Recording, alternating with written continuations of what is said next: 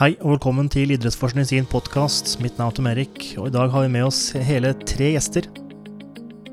Fra Norges idrettshøgskole har vi med oss professor Gøran Paulsen.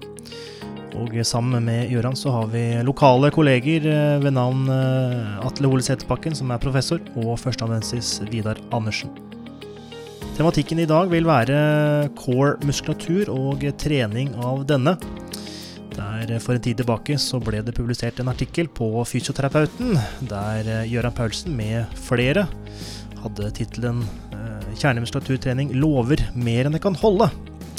Der eh, Atle og Vidar kom også med et motsvar, der de var noe uenig i kritikken av kjernemuskeltrening. Skal man trene planken, situps eller mer idrettsspesifikke bevegelser som involverer magen, eller holder det med disse store baseøvelsene knebøy og markløft for å stimulere magen og opprettholde idrettslig prestasjon? Følg med og få svar. Og med det så ønsker jeg deg en god lytting. Velkommen skal eh, dere tre gjester være til vår idrettsforskningspod. Gjøran, Gøran, Atle og Vidar, velkommen. Takk for det. Takk for det. Takk for det, ja. Herlig. Uh, I dag så har vi kanskje ikke en uvanlig pod, men vi har iallfall flere gjester enn én. Uh, der vi har litt eh, tidligere gjester ved navn førsteamanuensis Vidar Andersen, velkommen. Og Atle Hole Seterbakken, som er professor. Eh, lokale kolleger der. Og så har vi en ekstern fra Norges idrettshøgskole, professor Gøran Paulsen. Så du har undervist eh, i løpet av i dag, har du ikke det? Ja, et par timer. Om hva da? Ja, litt om uh, fysiologi og litt uh, mekanismer for uh, styrketrening. Litt sånn på celle... Skjæringspunktet mellom praktisk og cellenivå. Ja. For våre masterstudenter, ikke sant? Ja. Hvordan er det du vil rate de i forhold til deres NIHs masterstudenter? Er det um, ulik kvalitet? Nysgjerrighet, eller færre spørsmål, flere spørsmål? Nei, det var, det var vel sånn passe. Det var noen, noen spørsmål, noen, noen, svar på spørsmålene jeg stilte, i hvert fall. Men uh, vi kan jo håpe på litt mer aktivitet i morgen. Da blir det enda mer praktisk. Ikke sant, ikke sant. Herlig. Uh, vanligvis så blir vi litt kjent med gjesten vår. Vi har nå tre gjester. Uh, men både du, Vidar, og du, Atle, har jo vært med tidligere i både episode to og tre. Litt sånn, sånn kamikaze-piloter for vår podkast, som vi satte utrolig pris på.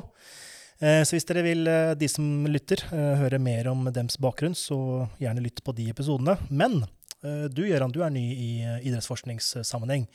Så hvis du kan fortelle litt om deg sjøl i form av litt ja, kort om utdanning, jobb og forskningsfelt. Ja, jeg er professor da, på Idrettshøgskolen. Så nå er jeg som professor to da, her ved Høgskolen på Vestlandet. Jeg har uh, starta vel med forskning da, på rundt uh, 2000-tallet, så um, det var egentlig bacheloroppgaven da, som ble til en liten uh, forskningsstudie med styrketrening. Og så derfra så har jeg egentlig holdt på med restitusjon og adaptasjon til trening da, som det primære tema. jeg er fysioterapeut i Ah. I utgangspunktet. Jeg har ikke praktisert så mange år, men har jo vært en del involvert i de åra jeg jobba på Olympiatoppen, da, fra 2012. Så jeg liksom prøvde å involvere meg litt i, i fysiosaker òg, så ikke bare sånn ren trening, litt rehabilitering. Eh, så jeg er ferdig med doktorgraden i 2009, som gikk på restitusjon og mekanismer i muskelen under restitusjonsperioden. Så vi brukte sånne eksentriske protokoller da, som belaster muskelen veldig kraftig i eh, ja, Dere brukte ikke den der helvetesmaskina som er på NIH eller Olympiatoppen? Eller fins den fortsatt? Nei, den finnes ikke ennå. Men det, nei, vi brukte ikke den. Vi brukte sånne isokinetiske apparater og isolerte den til kne. Ett et bein eller én arm.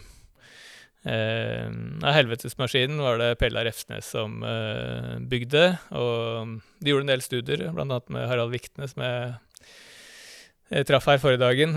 Så den maskinen den ble tatt ned rundt eh, ja, tidlig på 2000-tallet. Eh, så den er erstatta med noen elektroniske eh, varianter nå. Mm.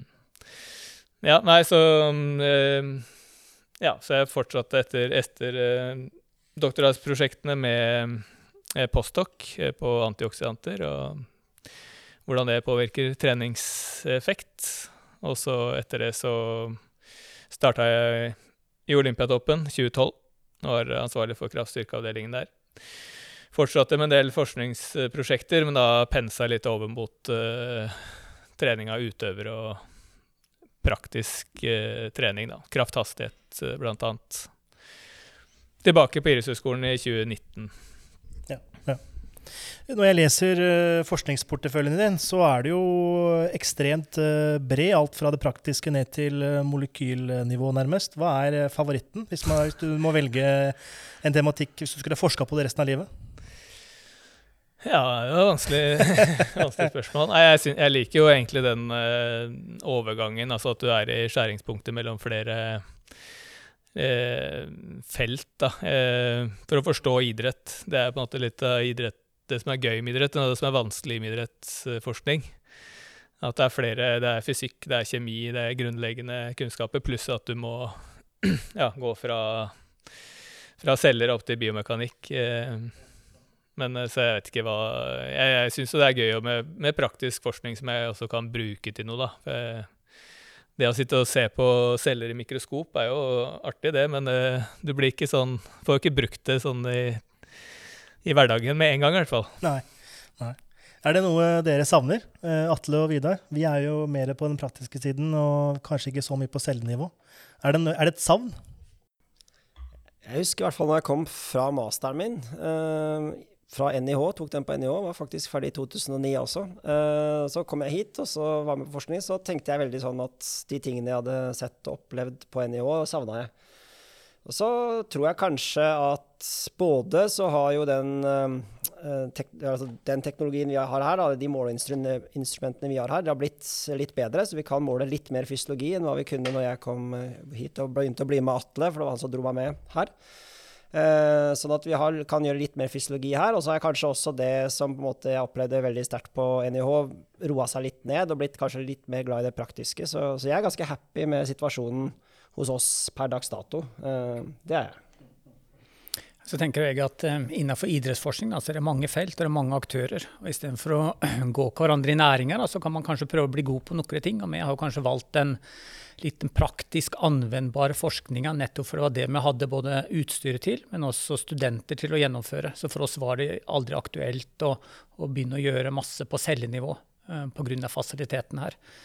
Men da er det kanskje bare at enkelte blir veldig gode på dette her, og så kan andre se på det anvendbare. Og så er det av og til vi møtes da, gjennom prosjekter. og tenker Da styrker vi to ulike fagfelt og får løfta det på et enda høyere nivå. Da. Det er jo litt det som Gjøran snakker om, og dette med den anvendte til det, til det veldig teoretiske, eller på cellenivå. På, på, på, det man ønsker å finne en effekt på. Så jeg tror de supplerer hverandre. og det siden vi jobber med, med mange institusjoner og mange forskere både nasjonalt og internasjonalt, så, så, så kan vi nytte av hverandre. Mm, mm, mm. Godt sagt. Og øh, hva skal jeg si, ikke går an i næringa, men uh, møtes. Uh, om det er fysisk eller digitalt eller gjennom det skriftlige, så er det jo hovedgrunnen til at vi er her i dag. Kanskje ikke hovedgrunnen til at vi er her i dag. Gøran, du har jo hatt undervisning, og det er hovedgrunnen til at du er ansatt hos oss. Men i forhold til gjest i podkasten, så skrev du sammen med både Lars Haugvad og Paul Solberg eh, en artikkel om, eh, som het 'Kjernemuskeltrening lover mer enn det kan holde'. En forsknings- og erfaringsbasert gjennomgang. Eh, som du skrev sammen med de nevnte, der Atle og Vidar kom med et motsvar, og så kom du med et motsvar på motsvaret. Men før vi, før vi kommer dit, hva var det denne første artikkelen om kjernemuskeltrening handlet om? Nei, det var uh, en uh, tem tema som jeg har tenkt på over mange år. Og særlig i arbeidet i Olympiatoppen så ser du mange utøvere, du snakker med trenere. Og så har det måte bygd seg opp en forståelse hos meg da, på at mange tillegger den type trening flere effekter enn det jeg kan finne svar på, holdt jeg på å si, dokumentasjon for i litteraturen.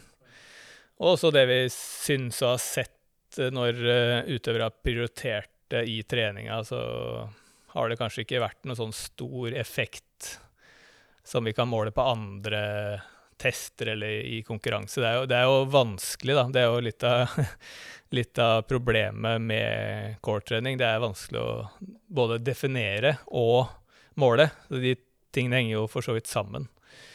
Eh, så har jo det vært eh, Lars Hauga har skrevet en artikkel tidligere eh, sammen med Thomas Haugen, eh, blant annet, eh, om det. Så, så, det har jo ligget litt sånn som en eh, ja, som et uh, interessant tema å, å, vinkle litt kritisk, da. Uh, det var jo ikke noe meningen å skrive en eh, komplett review med å veie pluss og minus og liksom Men det var mer å kaste søkelys på den kritiske siden av det. Altså prøve å identifisere deler som, som, det er dårlig dokumentasjon for, og som kanskje har blitt litt sånn myte, myter knytta til treningsformen. Ja. Men når du da snakker om kjerne, kjernetrening, eller core training, eller hva man skal kalle det, eh, er det da situps, eh, rette skrå situps, eh, planken og disse tradisjonelle mage-rygg-øvelsene, eller mageøvelsene, mm. er det de vi snakker om her nå? Ja, det, det, igjen så kommer du inn på den definisjonen hva er en core-øvelse. Men vi, vi tenkte i den første artikkelen tenkte vi mer altså Planken er jo en klassiker. Eh, at du Eh, prøver å isolere noen muskler, da. Eh, og gjerne ligger ned, ikke sant. Altså at eh, om det er sideplanke eller ja, Situps er jo også en variant, men kanskje ikke den mest typiske, egentlig. så det handler jo om Core er ofte innom knytter til seg Stabilitet blir ofte mye brukt i samme åndedrag. Eh, og at det er ikke nødvendigvis makskraft, men det er mer utholdenhetspreg. Eh, så det er ja, den type ting. Men du har jo sikkert et eh, 10-20-30-40-talls øvelser som eh, mange kan eh, ramse opp. Eh, og noen vil definere noen øvelser som core, andre vil si nei, det er ikke core. Så det, det er litt av problemet. Ja. Og slik jeg forstår den artikkelen her, så var det mest rettet mot uh, idrett og idrettsbevegelse, og ikke så mye mot helseplager i form av rygg, eller det å få seg synlig sixpack. Det var ikke deres fokus, ikke sant? Nei, det var, det var, det var um, primært uh, mot idrett, ja. Men med, i og med at vi, både Lars og jeg er fysioterapeuter, så, og vi publiserte den i Fysioterapeuten, så var det klart at vi tenkte jo på bruken i klinikken også. Men eh, ja, Lars har jo for så vidt ganske bred klinisk erfaring. Eh, så jeg er jo innom det med rygg, og, og tenker at det også farger eh, debatten. fordi ut, utøvere Folk har jo ofte vondt i ryggen. Så, så, utøvere går inn og ut av det å være utøver og trene for prestasjon og være ryggpasient. Det er jo mm. ikke uvanlig. Mm. Mm. Og Vi skal selvfølgelig dykke dypt i dette temaet, her, men uh, før vi gjør det, så kom uh, dere med et motsvar til uh, denne artikkelen her, Atle og Vidar. hva var det dere var uenig i, eller ville presisere eller nyansere? Hvis jeg skal begynne, da, så hvis vi skal si det kort, da, så 90-95% av det som står i artikkelen, er vi jo helt enig i. og de 5-10 vi eventuelt ikke er enig i, handler litt om nyanser og valg av ordlyder og presiseringsnivå i teksten da, som vi følte et behov for å, å, å, å kommentere. Da.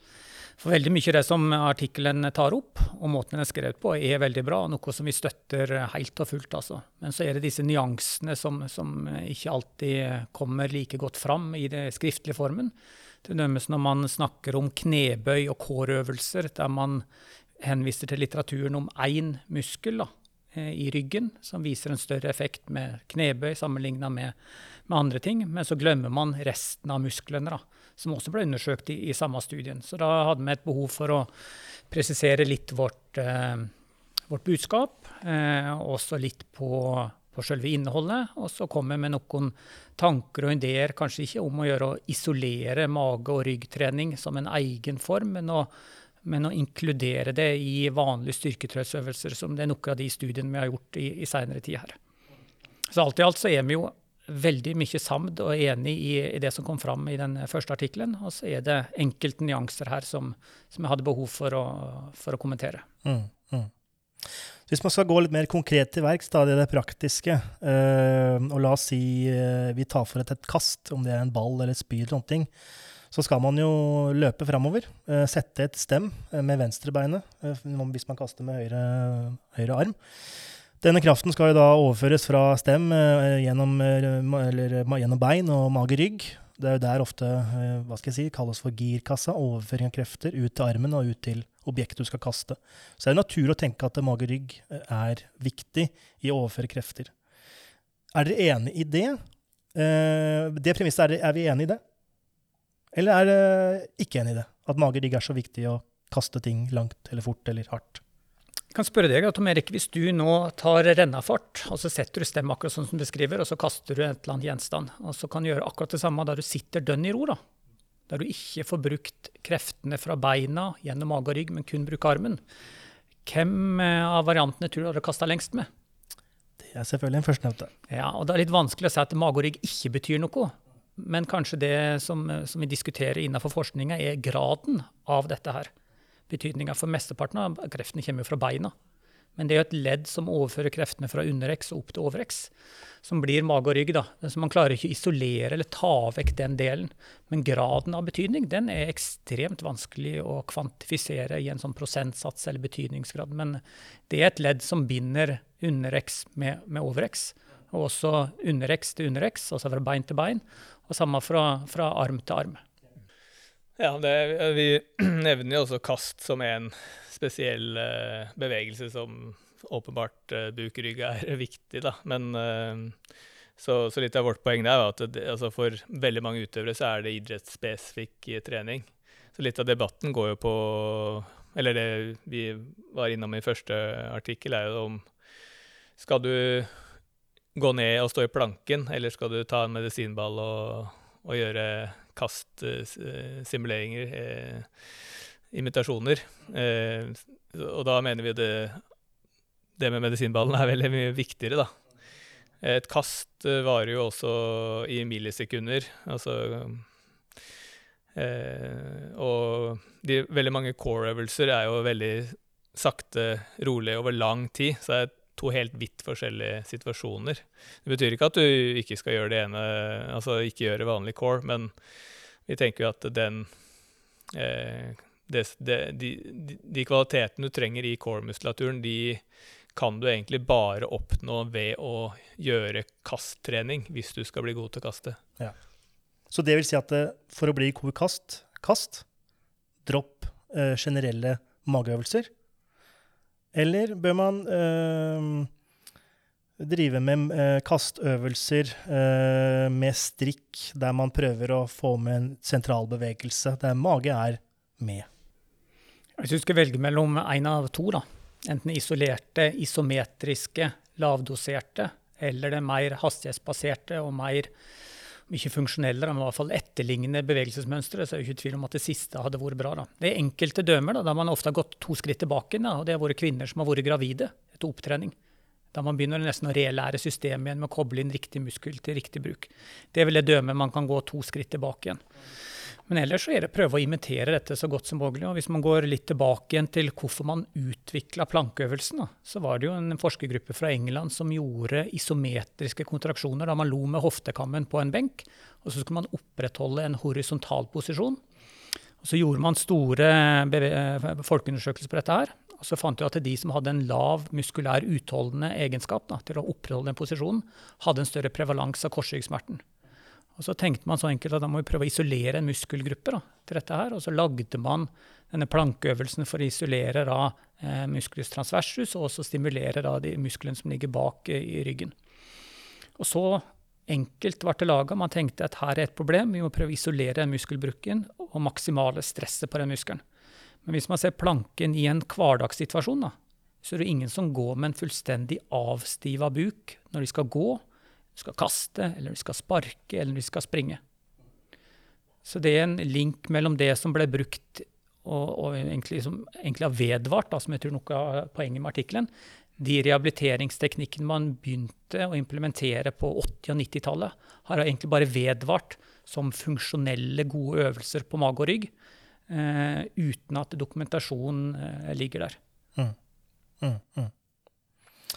Men øh, øh, holder det da å bare trene den Hvis, hvis man går inn i et uh, studio, og det er idrettsutøvere, fotballspiller eller turner eller kaster eller hva som helst, eller uh, skilandslaget.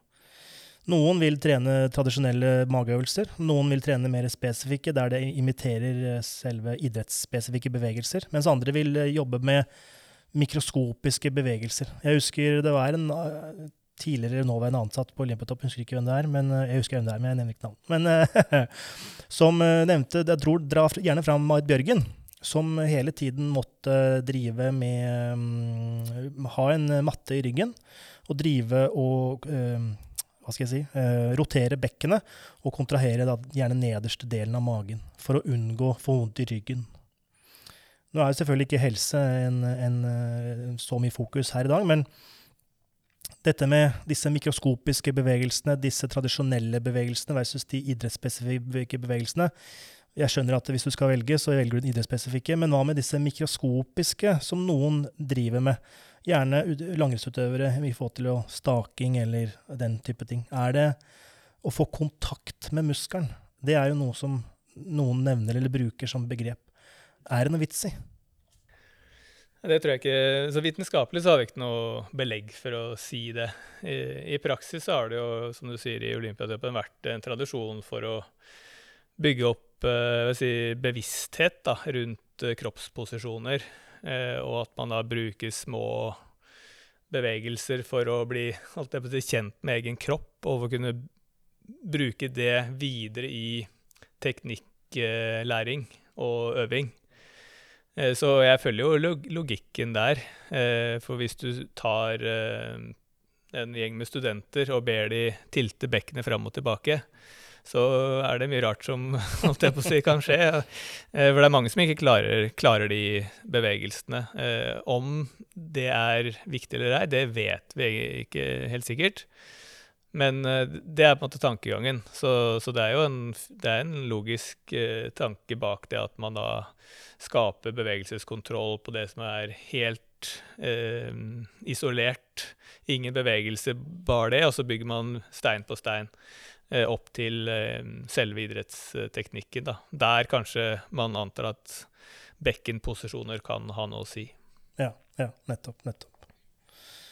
Noe å tilføye der på det andre? andre? Nei, altså Tankegangen med det med motorisk læring er jo, er jo logisk. Man begynner med de enkle, eh, kontrollerbare øvelsene, og så bygger man dette her opp. da.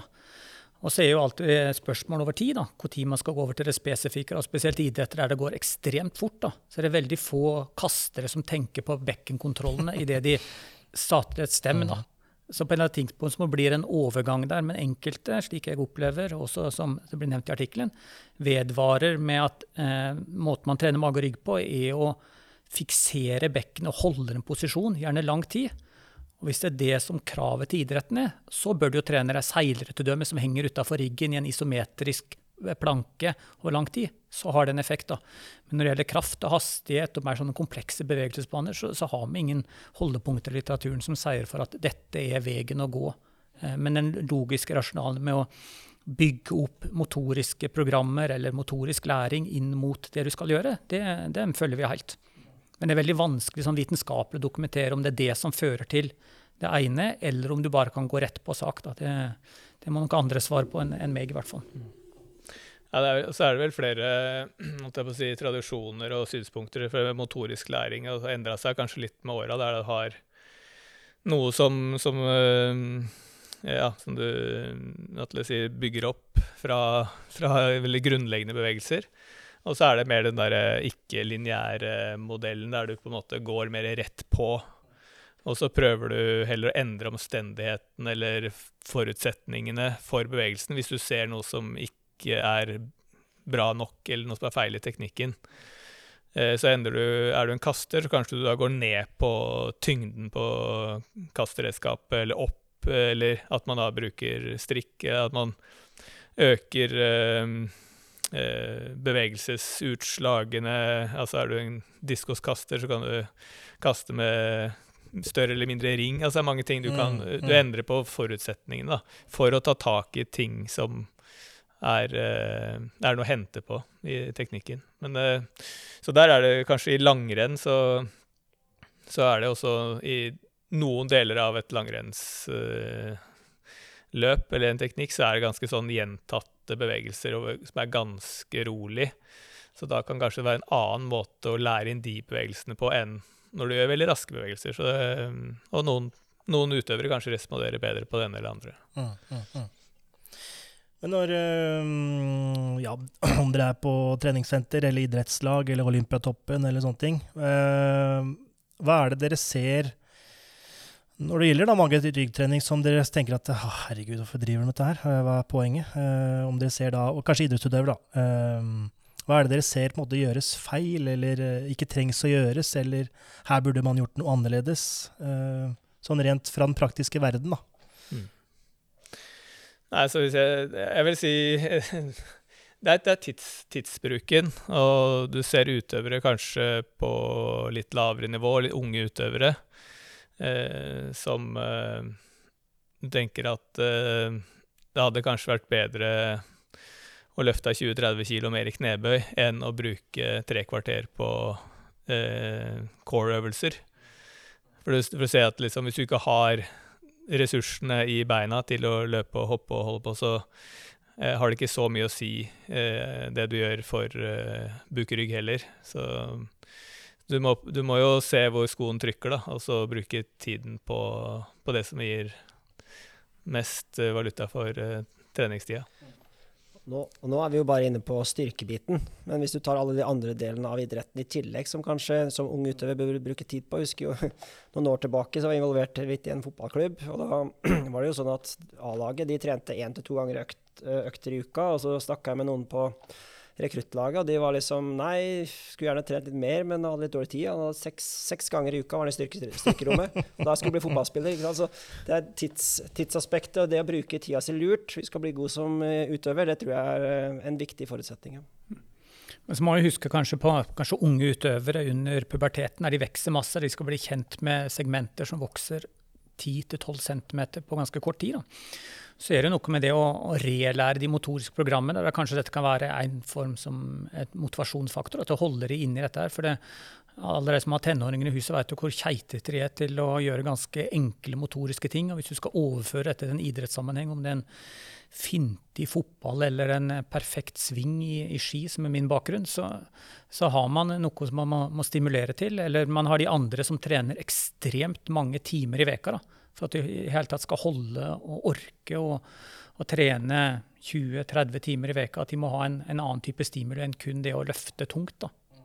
Så kan jo dette her være eh, inngangsporter. Mm. Men tenker du da at uh, magetrening kan være en inngang for å eh, fordele volumet på kroppen mer hensiktsmessig? At istedenfor å kjøre masse, masse, masse, masse, masse ski, så blir jo beina ganske daue, eller kan bli. Og så ser du at ja, mage- og ryggtrening er viktig, men beina er så gående at vi kjører heller isolert mage-rygg eller noe idrettsspesifikk mage-rygg for å redusere volumet på beina. Istedenfor å kjøre knebe da, eller kjøre ski eller noen ting. Absolutt. Og så kan det også være det med, med, med det å, skape en variasjon. Da. Det er ganske trøttende å ha stor belastning på én del av kroppen. Og så skal du gå i studio, og så skal du ha en ny type stimuli der. Og for over lang tid. Da. Så det er en slags type variasjon for, for dette her. Og eh, Noen har jo snakka om og nevnt dette med mentale tømmeheten. Å slippe å måtte hele tida løfte så tungt, da, men heller gjøre det litt enklere. Litt større variasjon. Så jeg vet jo Døme og Gjøran kan sikkert supplere med, med Olaf Tufte i treningsstudiet, som kom inn to ganger i veka, som gjorde noe helt annet enn det han egentlig gjorde i båten. da, Bare for å tåle en del av den treninga. Eh, men som ble møtt med kritikk av han, han konkurrenten fra New Zealand, som stort sett brukte mest mulig tid på det spesifikke. Så i en, en, sånn idrettsskala så er det mange veier til Rom. Og, og, dette kan også være det å holde folk lenger i trening og stå lenger i idretten. Mm, mm, mm. Absolutt. Så dere er jo, som dere innleda med, ganske så enige. Eh, men er det noe som vi har ikke vært innom der dere er komplett uenige når det kommer til dette? Altså, jeg føler uh, vi kanskje ikke er 90% enige, men kanskje 100% enige. Altså, hvor er det skoen trykker hen? Hva er det, den lille nyansen? Hva er det vi er uenige om? For det, kommet, det er jo kommet et, eh, en artikkel, et motsvar og et motsvar igjen. Så det må jo være noe her. Jeg, jeg, kan jo begynne litt, da. Eh, og det er jo litt sånn valg av ord. da. Lover. Hvem er det som lover når det gjelder kjernetre? vil love mer. Eh, og hvem er det vi lover for? Og så er det jo denne erfaringsbaserte, som er jo, fall for meg som, som forsker, ekstremt vanskelig å etterprøve den erfaringsbaserte kunnskapen. Og så er det et moment til, og det er jo dette her om, som, som er løfta fram som et sånt uh, spørsmålstegn som jeg las mellom linjene, som aldri ble sagt direkte av, av Gjøran og hans medforfattere, var om tung styrketrening faktisk kan erstatte mage- og ryggtrening. Mm.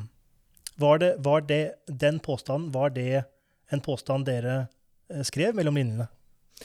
Eh, ja, det var vel det mm, vi tok litt tak i i motsvaret, da. Mm. Ellers så var det en del sånne tekniske ting på og hva man eh, ja, hvilken studie man tar med og sånn, som, som uh, uh, ikke er så viktig egentlig for den temaet. Men uh, Nei, så jeg tror vi er, vi er jo enige i, i stort sett det meste, så, så der, der, går litt på Det er så semantisk, altså hvordan du definerer ting, og hvordan du uttrykker det. Og så ja, så skrev vi den første artikkelen, som jeg sa, ikke for at det skulle være en omfattende review som var helt nøytral, men rett og slett for at den skulle være litt satt på spissen. For at det skulle være liksom eh, For folk får litt tanker rundt temaet. Så det var egentlig det, vi, eh, det viktigste, da. Altså ikke nødvendigvis som at man skal gjøre det ene eller det andre, men at vi, vi, tenker at det er litt for mye fokus, og at, uh, at man skal uh, tenke at kan, er det nødvendig å gjøre alt dette her, eller kan jeg redusere det litt? Så jeg har hatt utøvere som jeg har anbefalt, altså kanskje redusere mengden med core-trening, og så bruke det som en del av oppvarminga, istedenfor at man har egne økter. da. Altså ned til 10 minutter kontra 30 minutter. Um, så, så det, det, det, det, var egentlig det som var uh, eh, hovedforskjellene. Ja. For jeg føler kanskje at um, I hvert fall fra utad, slik jeg opplever Olympiatoppen, og du trenger ikke å svare på dette her, men kraft, styrke, knebøy, markløft, teknikk, motorikk, mikroskopiske bevegelser i hofta. ja. og, så det er litt sånn to leirer. Den, der, altså er det utøvere som tilhører den ene gruppa, og så er det andre utøvere som tilhører den andre gruppa. Og det er vel der skjæringspunktet er, og at de to gruppene bør egentlig møtes mer Eh, sammen. Og kanskje at eh, hva skal jeg si, begge grupper har eh, rett. da, Og at det må varieres, og det må ses i utøvers egenskaper og forutsetninger og sånne ting. Ja, ja det, er litt, det, er litt, forskjellige filosofier. Det er det. det, er det. Ja. Men vi samarbeider jo veldig godt på tvers av holdt jeg på å si, avdelinger i Olympiatoppen, selvfølgelig. Men, men er, man kommer fra ulike steder med, med ulik bakgrunn, og, og vi har jo alle utøvere er jo unike, så det er på en måte sånn at man da, utøveren vil også kunne velge litt hva han eller hun syns gir mest mening i sitt treningsarbeid. Da. Absolutt. Eh, litt sånn uh, take home message uh, fra denne praten her. Hva Mulig jeg sa denne take home messagen, at man kan gjøre litt av hvert, men er det noe dere vil tilføye på å få til konkretisere hva man eh, bør ta med eh, av det vi har snakket om. Jeg kan jo fylle ut litt. at Dette med tung styrketrening, knebøy, markløft, da, som opplagt trener beina, men som også implementerer kår og eh, core-muskulaturen. Så er det gjort noen akuttstudier. da. Altså Man måler muskelbruken trømmes under isometriske, lavdoserte core-øvelser, og så sammenligner man det under dynamiske knebøyer. Eh, og det kom studier både i 2007 og 2008 som sliter litt med det metodiske sammenligningsgrunnlaget her, da, men som har blitt løfta fram og brukt som argumenter på hvorfor han ikke skal trene mage- og ryggmuskulatur. Man trente da tung knebøy og tung markløft og fant ut at muskelbruken målt med elektromyografi var større under disse styrkeløftøvelsene enn under de isometriske core-øvelsene. Eh, men så sliter jeg litt med for de eh, øvelsene som ble testa i mage og rygg. Da. Det var isometriske lavdoserte som kanskje varte tre til fem sekunder. Da du bare skulle opprettholde en posisjon. da. Altså Den ytre belastninga og kravet er ganske lavt sammenlignet med å løfte 90% av én RM. Og Da blir det liksom å sammenligne epler og bananer og dra en slutning om at derfor så trenger vi ikke å trene mage og rygg, for det er mye mer effektivt å trene eh, knebøy og markløft med tunge vekter. Og Det er nok en sånn liten myte, da, akkurat den biten. Og så har jo vi prøvd, gjennom vår forskning prøvd hvordan skal man implementere mage og rygg da, i de kinetiske kjedene.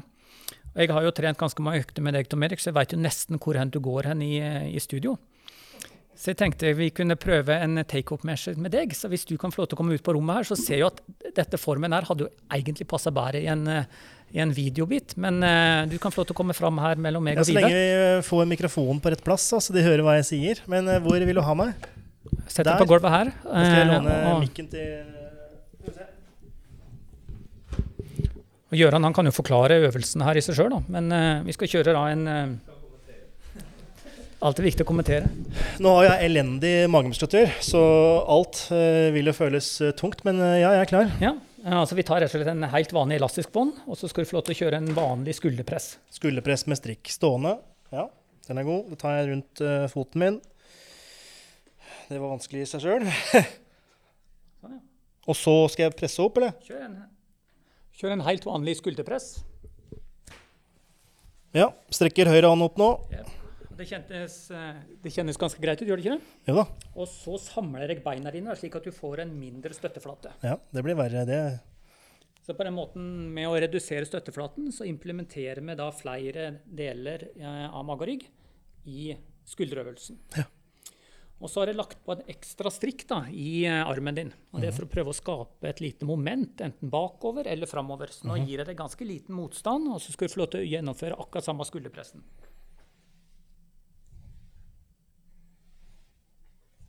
Jeg vet ikke om du har lyst til å kommentere om du merker noe forskjell? Uh, jeg merker at jeg blir dratt bakover. Og jeg merker at uh, jeg får litt større press på hæla. Men hvis det er fram til mer mageaktivering, så er svaret nei.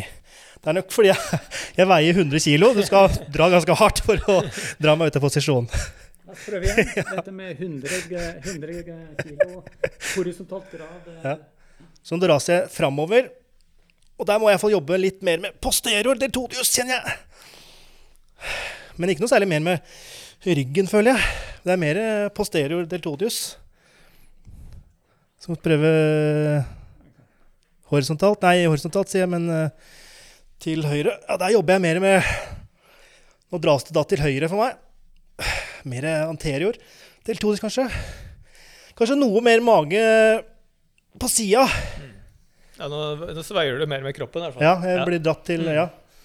Og på den måten så gjør vi egentlig en helt vanlig styrkeøvelse. Vi trener skuldermuskulaturen, og så legger vi på banomenter som enten øker eh, støttekravet med at vi reduserer avstand mellom beina, eller vi påfører eh, krefter lateralt eller framover eller bakover eller til sida, som en tanke med at man implementerer dette her. Eh, langtidseffekten, det veit vi ennå ikke på den type tilnærming. Men Hvis du da skal ta et eksempel da, fra la oss ha vektløfting, som driver med overstøt, som presser ting over hodet, tunge, tunge ting, uh, og du introduserer da denne ustabiliteten Gruppe som trener skulderpress, helt vanlig, eller pushpress eller støt, da, overstøt, versus de som trener med strikk. Kan du klare å måle effekten? Eh, I motsetning av andre i denne postkassen, så lover jeg ingenting eh, Anna. Men jeg syns det er en veldig eh, spennende hypotese, som ut fra et forskningsperspektiv bare kan undersøkes gjennom et eksperimentelt studie. Fordi motstand reduseres jo. Og er det ikke der eh, akillesen ligger for ustabilitetstrening? Jeg vil litt over, tendere litt over mot annet pelt, men core-trening har ofte blitt sammenligna med, med, å trene noe ustabilitet. Da. Ustabilitet har både noen styrker noen svakheter. og En av svakhetene med å øke ustabiliteten er at man løfter mindre kilo. Man er litt svakere. Rasjonalet er at man må bruke mer støttemuskulaturen til rett og slett å stabilisere vektene som man løfter. Og En av grunnene til at man løfter mer i, i beinpress enn en knebøy, så er muskelbruken er det samme.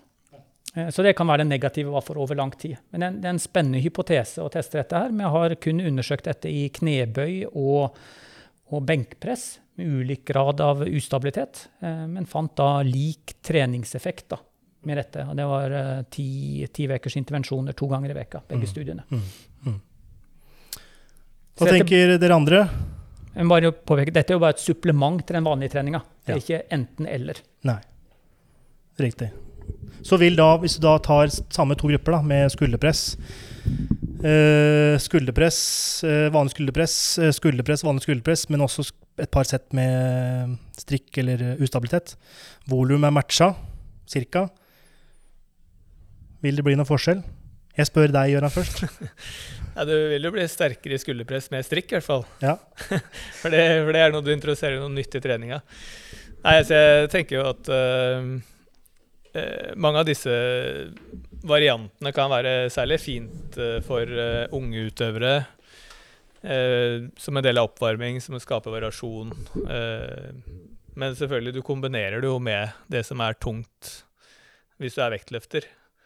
Eh, så der tror jeg det er ganske stor forskjell også blant vektløftere, hvor mye de gjør av ulike sånne typer varianter. Eh, har du noen skader, eh, og sånn overbelastningsskader, og sånn, så er det kanskje et tegn på at du trener for mye for tungt.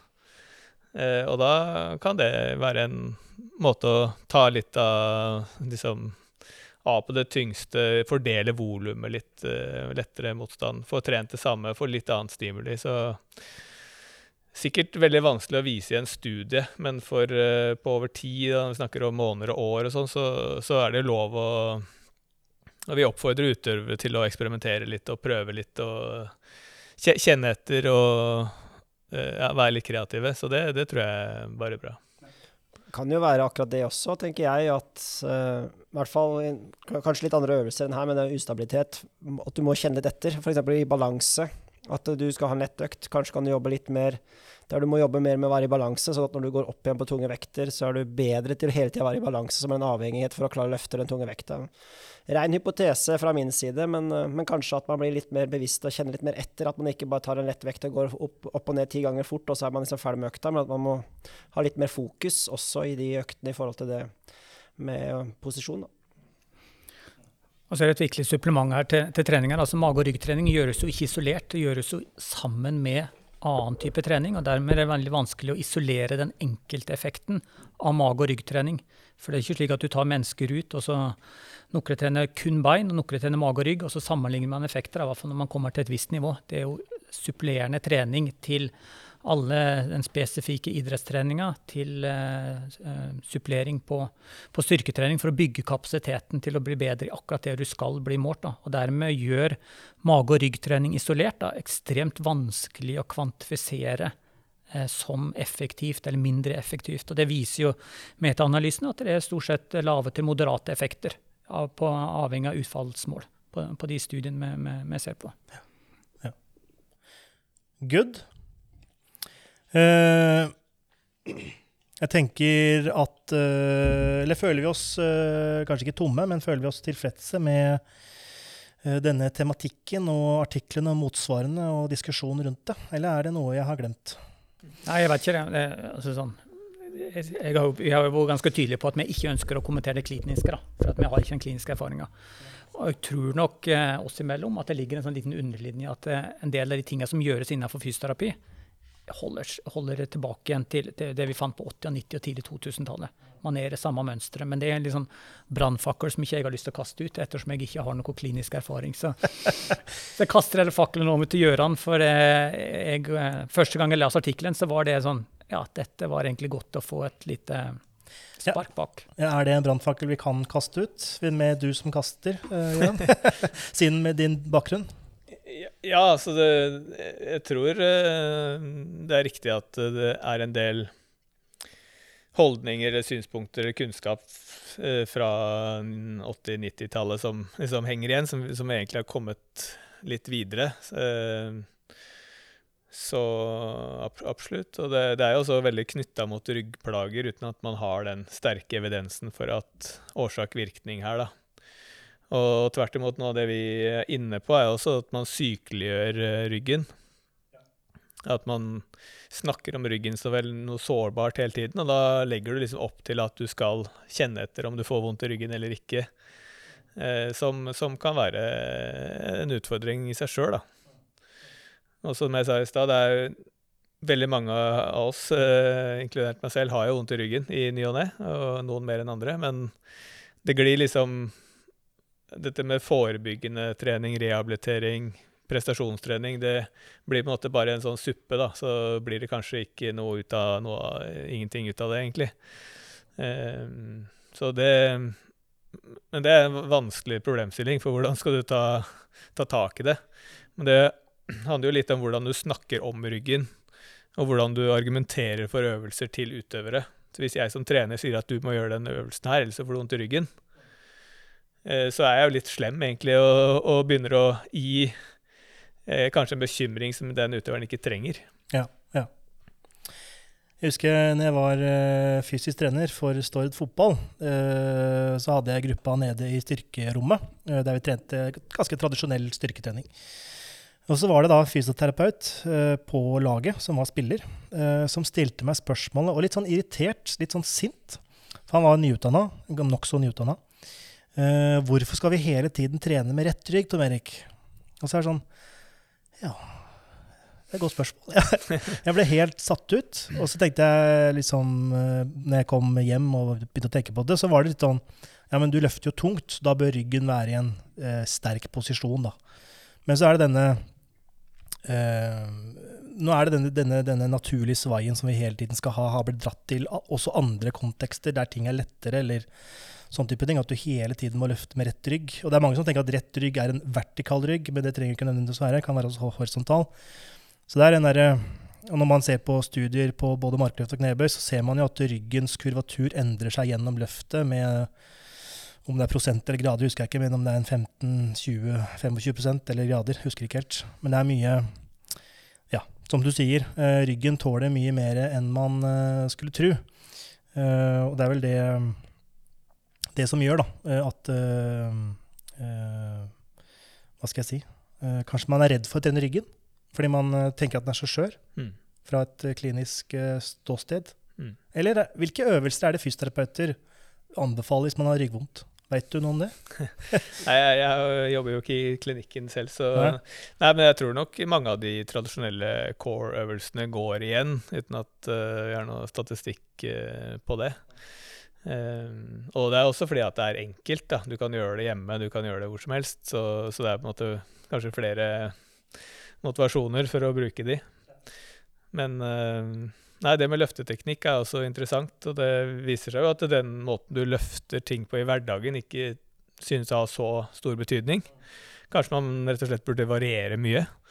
At man ikke gjør ting ensidig eller blir stående i én posisjon lenge og sånn. Det har man vel kanskje noe holdepunkt for at det ikke er så bra. Så variasjon er bra. Men tenker du da både Altså snakker vi da variasjon rundt 90 grader av en RM? Eller tenker du variasjon? Er det lett, så ikke tenk så mye på det? Er det tungt, tenk på det. Ja, nei, nettopp. Så er jo det det man eh, Jeg tenker eh, Det tenker jeg i hverdagen. Og så når det kommer til disse tunge løftene, så er jeg også usikker sjøl. Jeg tror ikke vi har noe svar på det. Det kom en artikkel nå for et år sia.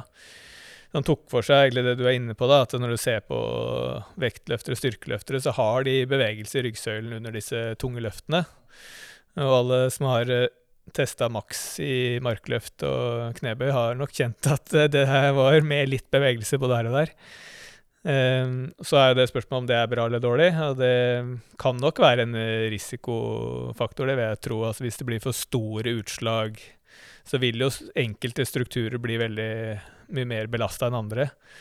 Så det å kunne holde uh, en viss kontroll, der må man ha core-kontroll når det blir skikkelig tungt. og så så vil det være sånn som på, hvis man driver med uh, ballspill og man får strekk av en sprint uh, av en spurt. Altså Man må være i de samme områdene. Man må være trent til å tåle det. Så Man må ha progresjon, bygge seg opp til å tåle tunge løft. Samme som man stadig sprinter hvis man skal kunne sprinte når det trengs. Uh, så Eh, er det nok også en del individuelle forskjeller i hvordan kroppen er sammensatt. og Vi ser jo løfteteknikk varierer jo voldsomt. Eh, har du litt lange lårbein, litt eh, kort rygg altså Sånne ting gjør at du kanskje får litt dårligere løfteteknikk. Mm, mm. eller vanskeligere for en god teknikk. Mm, mm. ja. ja. Noe å supplere, gutter? Jeg tror det er veldig, eller stor enighet da, om løfteteknikk, at man prøver å tilegne seg. og få en tidlig fase med unge utøvere og, løfte med en nøytral rygg. Da. Men så vet jo allerede at det, hvis man løfter tungt mange ganger, så blir man også god på å løfte tungt mange ganger med den teknikken. Og det er jo kanskje derfor man ser styrkeløftere tåler å løfte ja, det, det ser ikke spesielt fint ut, da når det nærmer seg maksløft. Men de har jo også hatt mange års med erfaring. Det som er litt sånn skummelt, er hvis unge utøvere tenker at dette er måten man skal løfte alle løft på, for det er slik man gjør i konkurranse, uten å se på forutsetningen for hvorfor de faktisk klarer å løfte sånn. Mm, mm. Bra.